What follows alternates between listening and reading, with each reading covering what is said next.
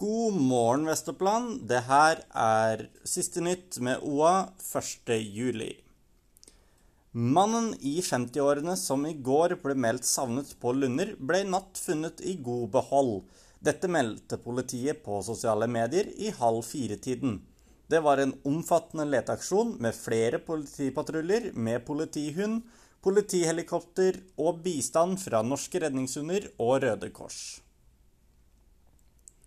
Er det for dyrt å levere restavfall på Dalborgmarka? Det mener Bjørn Nilsen fra Raufoss, som tror prisene kan bidra til forsøpling i form av møbler og lignende som dumpes i naturen.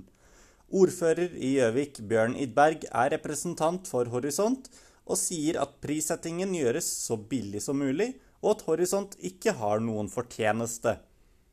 Det er et konkurransefortrinn for kommunen eh, at avgifter er lavest mulig med tanke